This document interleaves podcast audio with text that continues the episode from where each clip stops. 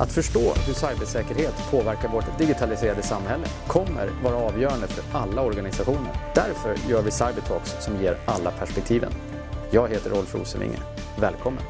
I dagens avsnitt av Cybertalks träffar vi Jonas Lejon, grundare och VD för Treop. Jonas är en känd cyberprofil i Sverige och driver bloggen kryptera.se.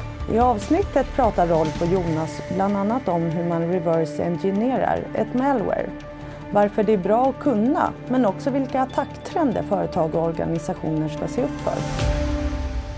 Hej och välkomna till ännu ett avsnitt av Cybertalks. Den här veckan har vi förmånen att ha med oss Jonas Lejon. Hej! Hallå då!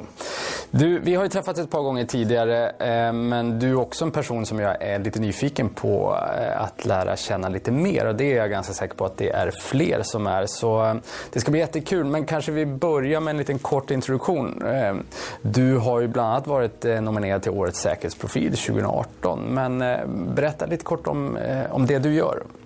Ja, precis. Jag brukar säga att jag gillar att ha många bollar i luften. Eh, så de sista fem åren så har jag jobbat heltid som konsult och inom eget företag. Eh, jag bloggar ju bland annat också på kryptera.se som har fått väldigt stor uppmärksamhet de senare åren. Eh, jag har ju bloggat i 11 år nu men det är väl först tycker jag, senare år som säkerhetsfrågorna verkligen har lyfts upp på en helt annan typ av nivå. Ja, det, du ligger ju verkligen eh, rätt i spåret och rätt i tiden där. Och, eh, jag läser ganska ofta faktiskt kryptera.se själv också. Det har, tycker det finns mycket matnyttigt där så det, det, är roligt att ha det här. Ja, tack, tack. Men du, eh, du startar och driver företaget Triop. Eh, och vad, vad gör ni? Vad, så att säga, vad är ditt fokus? Ja, precis. Nej, men det har väldigt mycket att göra med min bakgrund. Jag har jobbat på FRA, Försvarsmakten, större delen av mitt liv. Och eh, när jag bestämde mig att starta eget och köra eget då, så eh, jobbade jag väldigt mycket med, med, eh, med säkerhetsgranskningar och även det som jag har gjort eh, tidigare då på mina tidigare arbetsplatser. Och det kan röra sig exempelvis om att en myndighet vill köpa in ett nytt system eller programvara och så vill man ha en oberoende kontroll eller någon som tittar på den här och ger ett godkännande eller gör en granskning, säkerhetsgranskning då, den här. Och, ehm, jag tror säkert att det är en hel del som är nyfikna. menar, både du och jag har ju så att säga, statlig bakgrund från början. Men vad var din bild? Hur var det att jobba på FRA, Försvarsmakten?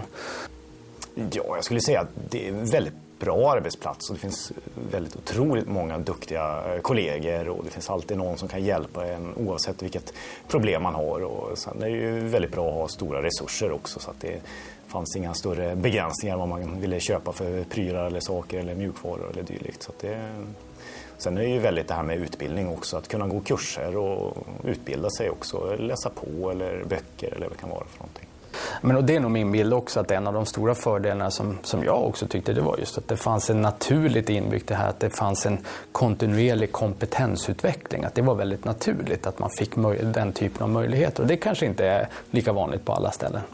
Nej, precis. Och kunna att lägga tid också. Ehm, som konsult har man ju sällan tid eh, att lägga på egenutbildning och eh, jag försöker ändå köpa in böcker, läsa böcker och hålla mig ajour på de flesta ämnena och inom det som jag jobbar med. Men det är en helt annan nivå när man jobbar statligt.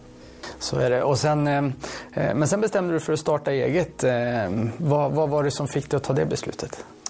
Ja, jag gillar ju att ha många bollar i luften och gillar att hålla på med många olika saker. Och jag kände att eh, som eh, entreprenör och egenföretagare så passar det mig bättre att hålla på med många saker helt enkelt. Att, eh, och det gör jag nu också. Jag tar ju exempelvis aldrig sällan längre uppdrag utan jag sitter, gör kortare uppdrag och det passar mig väldigt bra. Att... Och eh, om man eh, eh, så säga, läser på lite grann, alltså några av de grejerna du pysslar med är ju bland annat reverse engineering och det är pentester, det, det kan vara forensik och, och så vidare. Var, så att säga, varifrån kommer intresset för den här liksom, med, den djupa tekniken? Ja, nej, men det är en intressant fråga. Vad är det som, vad är det som driver en, eller på att säga. Nej, men vad är det som gör det? Jag tror att det är vetgirig helt enkelt. Jag vill lära mig nya saker och vill ha koll på hur saker fungerar exempelvis. Och, eh, det vill säga att om jag kör en programvara, antivirusprogramvara exempelvis, så vill jag veta vad, vad är den kollar på och hur kollar den på saker och varför, hur fungerar den som den gör exempelvis. Och en sak som jag funderar på, för det, och det är ju också en av anledningarna till att jag bad dig komma hit idag, därför att jag upplever ju själv eh, Eh, och upplevde även när jag själv var CISO att det finns ju en, eh, det finns en ganska stor djungel av säkerhetsverktyg och när jag pratar med, med andra eh, gamla CISO-kollegor och så, här, så eh, börjar man tala liksom om en tools fatigue nästan. Man, man, man, har svårt att navigera mellan. Eh, är det din bild också? Och, och, hur ska man gå tillväga i så fall eh, när man väljer och bygger sin liksom, tech stack som, som säkerhetsorganisation? Ja, nej, men det där är en intressant fråga. Ja. Ehm, jag, jag, gillar ju väldigt mycket open source och det finns flera anledningar, eh, anledningar till det. Och det är ju att jag, som jag sa här, att jag vill veta hur verktygen fungerar och jag vill även själv kunna vidareutveckla och bygga vidare på de här verktygen. Och jag tror inte att det finns heller en eller flera säkerhetsprodukter som löser alla problemen. Nackdelen med open source är ju då att det kanske kan vara dyrare exempelvis eh, resursmässigt och du kanske behöver en viss kompetens och, och dylikt. Då. Men, men eh, eh, för att svara på din fråga så tror jag att eh, nej, det, det, är nog ingen lätt fråga. Och, men jag förespråkar open source så långt det går. Och, och sen också gäller det ju att ställa leverantörerna eller, eller produkterna, att testa dem och se vad går de för Eh, för det gör ju ofta när jag gör mina säkerhetsgranskningar och säger till mina eh, kunder då att ja, men testa era produkter samtidigt som när vi gör de här eh, testerna exempelvis. Vad ser ni och vad ser ni inte? Är det så att ser ni 50 eller ser ni 90% eller ser ni 10% Och det kan vara intressant. Speciellt kanske om det gäller ett CM-system eller man ska upptäcka då Precis. Och, um, vilken är din bild av vilka så att säga, teknikområden, produktområden inom säkerhet utvecklas snabbast nu? Var, var sker det spännande utveckling idag? Eh, nej, men jag skulle säga att, att, eh, att eh, spårbarhet eller, eller, eh, insikt, eller vad ska man säga, eh, det vill säga där du kan se mer. Vad händer? Hur mår nätverket? Vad händer på dina klienter? Och, Eh, försöka se vilka klienter har du överhuvudtaget. Vilka mobiltelefoner har du och förekommer det på dem? Eh, så det skulle jag väl säga. Sen kombinera det också. Det finns mycket snack nu om blockchain och AI och sådana grejer. Och det är mycket buzzwords, men det händer ju lite i varje fall och det vore jättebra om det utvecklas mer stöd det vill säga att vi kan byta ut mänsklig kraft eller mänskliga hjärnor mot AI i större omfattning. Det vore jättetrevligt. Ja, men det, där tror jag är en, eh, det där tror jag är en viktig del att fundera över och även om man, alltså, när man sitter som CISO. Att, så att, eh, för är det en sak vi kan eh, vara säkra på det är ju att våra miljöer kommer bli större. De kommer vara ännu mer öppna. Vi kommer ha ännu mer möjliga datapunkter att titta på och analysera. Så hur gör vi det? Och, jag tycker det är ganska spännande till exempel det här med liksom, fenomenet problemet med anomalidetektering. Men att sådana någonstans, förhoppningsvis för att använda ett buzzword, med machine learning och så vidare, kunna komma med till, få hjälp med analysen och i förlängningen kanske till och med komma till automated response. Så att man får hjälp med de här enklare sakerna. Delar du den bilden? Är vi, är vi på väg dit? Ja, det måste vi eftersom vi kör mer enligt DevOps-tänk exempelvis, där vi automatiserar vår eh, administration exempelvis. Och då måste ju säkerheten också följa det tänket. Så att, ja, nej, men jag håller helt. Du, du tittar ju också en del på, på specifika malwares och försöker så att säga, plocka isär dem och förstå dem, och så här, eller hur? Ja, precis. Hur, hur gör man det? Hur går man tillväga och vad, vad lär man sig av, av att göra det?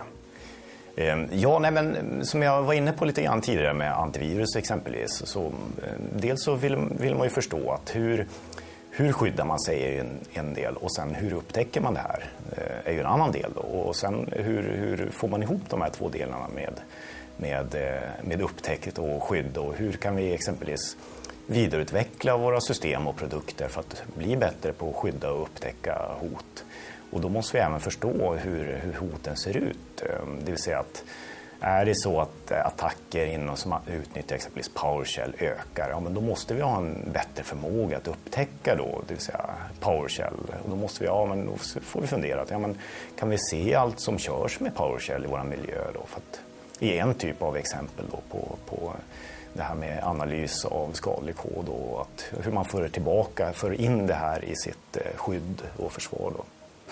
Och eh, hur upplever du att organisationer, är, är, är, man bra på så att, säga, att ta ombord de här insikterna och sen uppdatera sina skydd? Har man liksom en, det, det, jag tänker mig att det finns någon slags liksom lessons learned loop som hela tiden måste snurra där. Att, är, är vi bra på det? De organisationer som du träffar? Ja, det är väl okej okay på många, men, men det är ju ett ständigt arbete och vi, vi måste bli bättre också. Och här är också det här med, med att diskutera det här med produkter och leverantörer. Att kan vi ställa mer krav och hur kan, hur kan vi få mer information, ett större och snabbare flöde av information? Och där är vi inne på också en intressant det här med threat sharing, alltså dela information, attacker och, och alltså tillvägagångssätt då kan vi bli snabbare på att dela den informationen mellan organisationer exempelvis. Och det där tycker jag, ehm, jag har ju ganska mycket ehm, från mitt nätverk i USA, där pratar man just väldigt mycket om det, eh, just threat sharing nu, att, hur, att, att det är ett av de få sätten att liksom hinna före någonstans. Eh, och, och man har väldigt mycket diskussioner just hur liksom både private public-samarbete ska se ut. Hur ska eh, liksom de olika federala myndigheterna som har olika delar av det här, det ser ju rätt, så att säga, det är rätt invecklat där borta, men vem som gör vad och så här. Men hur, hur ska de Frågan handlar egentligen om hur ska de bli bättre och snabbare på att kunna dela eh, saker till näringslivet och hur ska man kunna vara en facilitator för att också snabbare eh, snabba upp den här kedjan inom och mellan näringslivet och för den delen andra, andra myndigheter. Ehm, ha, har, vi, har vi bra forum för det idag i Sverige?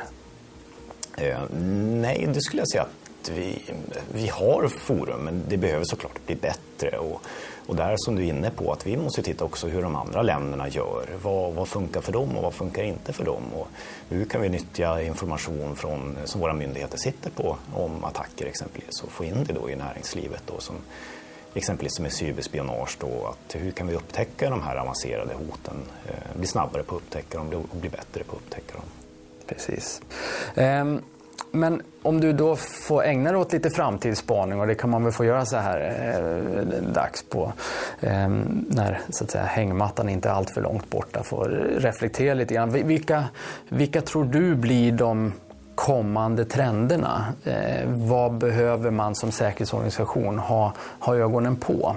Vilka typer av attacker kommer vi att se den närmsta tiden öka? Ehm, jag, jag tror ju att eh, just det här med utpressning är ju tyvärr e-, ett område som, som vi ser, det går lite upp och ner. Och, och där tror jag att ehm, vi kommer se fler, fler attacker, alltså fler eh, prylar som blir utpressade på sig, men eh, med IoT och eh, för det finns ju pengar helt enkelt att hämta eh, för de kriminella. Då. Och sen har vi ju då såklart det här med, med cyberspionage och där, där andra nationer exempelvis då kan sno information och, och gynna sin egen industri och komma längre fram i, i kapprustningen så att säga. Eh, precis, så att, eh, där tänker jag också att det som ju blir en utmaning, tänker jag också, är ju att ehm, vi har ett, hela samhällets digitalisering som, som det går ganska fort nu. Ehm, och samtidigt så och jag delar din bild. Jag tror också vi kommer se fortsatt eh, ökat antal ransomware därför att det går helt enkelt. Det är, så, det, är, det är fortfarande relativt lätt och det finns pengar att hämta. Och så länge det finns det, så länge vi inte har hygienen på plats så att säga, som motverkar det här, eh, så kommer vi att se det här. Ehm, men samhället digitaliseras samtidigt som, som ehm, som företag och organisationer så att säga, då öppnar upp mer. Och det, är ju det, det är ju det som blir lite grann dilemmat tänker jag också. För vi som säkerhetsmänniskor, vår intuitiva sätt att möta en ökad hotbild det är ju att minska attackytorna. Men digitalisering gör ju egentligen, den driver oss egentligen i motsatt riktning. Det blir mer outsourcing, mer partnerskap, fler digitala kanaler och, och så vidare. Så vi står ju inför en utmaning, eh, tänker jag. Men vilka tror du kommer vara de största säkerhetsutmaningarna för företag och organisationer de närmsta åren? Ja, jag skulle säga att vi, vi måste nästan börja uppifrån, alltså styrelseledning, att få med dem på banan och för dem att förstå vad det innebär just hela den här digitaliseringen och, och få dem med på säkerhetsspåret helt enkelt. Att, eh, att förstå att när vi digitaliserar så eh, är, ska säkerheten vara med secure by default. Alltså det ska vara en, en, så att säga, en väldigt viktig del i utvecklingen och i, inom digitaliseringsspåret. Och att, att säkerheten får ta tid, det måste, måste ta tid och det måste kosta pengar. Att det, det är ingenting man kan göra kvart i fem sådär, oj vänta nu här, eh, säkerhet måste vi också ha utan att det ska finnas med från början och att genomsyra hela digitaliseringsarbetet. Och, och det tror jag att det måste förankras i styrelse och ledning, att eh, få med dem på banan. Och när de är med på banan då kan man fortsätta ner i, i utvecklingen då och följa exempelvis då eh, Microsoft eh, SDL, och Secure Development Lifecycle exempelvis. Och, Ehm, och hela, hela den biten. Och vi har ju varit inne på vissa delar med, med spårbarhet exempelvis. Så det är ingen lätt uppgift, men det går. Jo, men jag tror det också. Jag tror att, och jag tror att du är på några viktiga saker. Att man behöver ha förankringen eh, uppifrån eh, där det här blir en tydlig integrerad del av hela digitaliseringsresan oavsett vilken typ av organisation man, man, man representerar. Eh, jag tänker också att att i och med att vi öppnar upp våra miljöer så mycket mer så finns det faktiskt också ett behov av att vi som säkerhetspractitioners måste börja göra säkerhet på ett annat sätt. Och jag brukar slå ett slag för hela liksom, detect och respond. Att det blir någonstans i alla fall en av mina slutsatser. Att när vi har öppnat upp så mycket mer så måste vi inse att vi har motståndaren förmodligen redan på insidan. Så vi måste bli bättre på att upptäcka, isolera, hantera det när det väl händer. Men jag tycker du har en viktig poäng också med att, att få in säker utveckling eh, mycket, mycket tydligare. För det är ju också ett av de sätten vi kan så att säga, stänga kranen till nya sårbarheter. Så hur långt har vi kommit där tror du? Eh, jag tror, och det som jag ser är ju att eh, de nya produkter och system som tas fram har oftast en relativt högre säkerhet och det beror ju på några olika saker. Dels är många av de eh, utvecklingsramverk som man använder har säkerhet mer inbyggt. Man använder exempelvis säkra standardvärden. Det vill säga man exempelvis tar bort gamla eh, algoritmer, eh, osäkra algoritmer, att det bara finns med nya. Och, så det, det, här är ju ett arbete som måste ske på flera olika håll. Och, så att det, det blir bättre och, och, det här med att utbilda användarna är ju också en, en, viktig del av det hela. Att fler får upp ögonen och eftersom att fler och fler pratar om säkerhet så börjar fler att inse att ja, men vi kanske ska skicka de här utvecklarna på en utbildning i säkerhet och ja, man har det naturligt helt enkelt. Vilka är de bästa utbildningarna? Ja, nej men, de, jag skulle vilja säga att de bästa utbildningarna det är ju när, när, du själv verkligen kan sitta ner och förstå att hur använder jag det här utvecklingsramverket på ett säkert sätt? Vilka är de vanliga felen som man kan göra exempelvis och hur undviker vi dem? Och som jag var inne på det här med kravställning också. Att visst, vi kanske bygger en säker produkt nu, men är den här produkten säker om fem år eller är den säker om tio år? Ehm, och är de här, eh, de här tredjepartsbiblioteken vi använder, är de säkra? Är de här systemen vi kopplar ihop oss med, är de säkra? Så att vi, vi måste vara bättre också på, på, tänka, på ett vidare perspektiv, tänka på de här tredjepartsprodukterna, tredjepartssystemen och dylikt. Vi måste bli en bättre beställare också. Och det tror jag är en bra poäng och det, det, är definitivt en av mina hjärtefrågor också kring hela det här med, med third party risk och, och hur, hur, säkerställer vi att vi inte själva eh, introducerar sårbarheter i vår miljö genom de upphandlingar vi gör, de partnerskap vi ingår. Det tror jag är en jättebra poäng. Du, jag måste ändå passa på när vi byter ämne lite grann här men också i och med att du har den bakgrund och, och, och sådär du har så, så, tycker jag att det är spännande att fråga dig. Vi, vi ser ju en ehm, vi ser en, eh, ska vi kalla det, eh, ökande geopolitisk spänning här mellan eh, USA och Iran till exempel. Eh, även mellan, mellan andra, men framförallt den jag tänker på nu. Och, eh, där hade vi en situation här ganska nyligt där, eh, eh där det i alla fall, om man läser tidningarna, då, eh, så, så gick USA ut och så att säga, svarade på ett angrepp på tanker i, eh, tankerfartyg med eh, cyberangrepp. Och vi börjar se den här asymmetrin, att man, alltså att man svarar eh, på ett fysiskt angrepp med, med cyberattack och så vidare. Och sen, oavsett om det där hände eller inte, det får vi väl se mer om sen. Men det, det, det triggade i alla fall att man från amerikansk myndighetshåll gick ut och varnade amerikanska företag att liksom, be vigilant, det, det kommer hända grejer här. Eh, ser du det här som en, är det en oundviklig utveckling? Ehm, ja, det, där är, det är en jättesvår fråga där och jag tror att jag menar, ett bra, först och främst måste vi ha ett bra grundskydd så eh, att vi, vi liksom, det är inte så att eh, amerikanska företag nu ska helt ställa om och koppla bort sig från internet. Ehm, men jag tror att vi, vi ska vara ändå förberedda på och, och, kunna möta den typen av angrepp i, i framtiden också. Att vi kommer att se att att IT-angrepp och mm, den typen av eh, angrepp ökar. Men, men det, det intressanta här är ju det, och det som är svårt in, inom vår industri, det är just det här med attribution, det vill säga vem är det som ligger bakom? Hur kan vi lista ut, hur kan vi se vem som, som ligger bakom? Eh, och det är ju det som är egentligen det svåra och det tar tid, alltså inom eh, forensik exempelvis. Att undersöker vi ett intrång eller ett malware eller vad det kan vara, att hur kan vi veta vem som ligger bakom, hur, vem som gör det här? Och det tar ju tyvärr rätt lång tid oftast att göra det. Det finns ju lite metoder och så för att kanske snabba upp den processen. Då. Men, men jag tror att det är fel också att peka finger och säga att eh, ja, men det, den nationen eller de ligger bakom. Och, eh, för det har man ju varit väldigt snabb att göra och sen kanske det har visat sig ett år senare eller ett tag senare att nej, men det är inte de som, som ligger bakom. Eh, så att... Nej, och sen tänker jag att lite grann alltså, som CISO på ett företag eller för den delen offentlig verksamhet så, så spelar kanske den slutliga attribueringen mindre roll. Vi måste förhålla oss till det som faktiskt händer och, och förbereda oss på den, på den typen av attacker.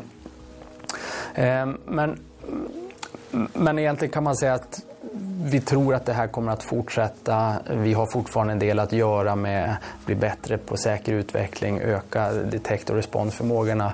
Ehm, men vad är det vi i slutändan så att säga, ska skydda oss med? Kommer det att fortsatt vara väldigt mycket spearfishing, eh, eller webbshells eller vad, vad, vad tror du att vi behöver fokusera? Ehm, jag tror att det är flera områden där. Ehm, du var inne på det här med phishing exempelvis, det vill säga att lura människan. Det är ju tyvärr är ju när tekniken blir bättre och bättre och så är det ju människor man, man lurar då.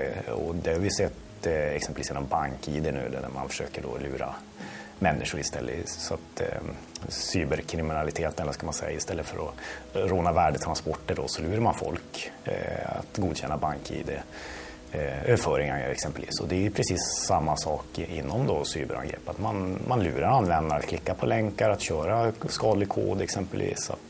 Och hela, hela det här um, eh, supply chain security, det vill säga att du får en uppdatering till din mjukvara eller du kanske kommer en ny switch eller en ny mus eller dylikt till ditt kontor. Och, eh, hela det beroendet då eh, tror jag att eh, man behöver tänka till på fler än en gång och där har vi sett en väldigt stor ökning då eh, med attacker. Då. Så det är mjukvara kanske uppdaterar av sig själv men uppdateringsservern blir Eh, hackad då och eh, introduceras det då en bakdörr istället i uppdateringen då, som du får in. Och sånt där är jättesvårt att skydda sig mot. Precis. Och du, eh, jag är jätteglad att vi hade möjligheten här eh, idag att sitta ner ett par snabba frågor till kanske. Ehm, ehm, vi brukar alltid i, som i de här avsnitten också ställa frågan om du var statsminister för en dag och hade möjligheten att lägga ett antal cyberrelaterade frågor på bordet. Eh, vilka skulle du välja då?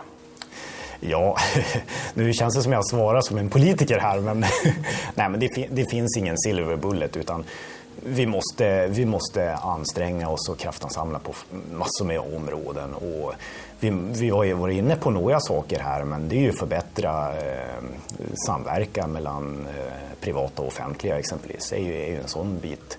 Vi måste se till att det finns utbildningar, vi måste utbilda unga och, och få fler intresserade av det här området.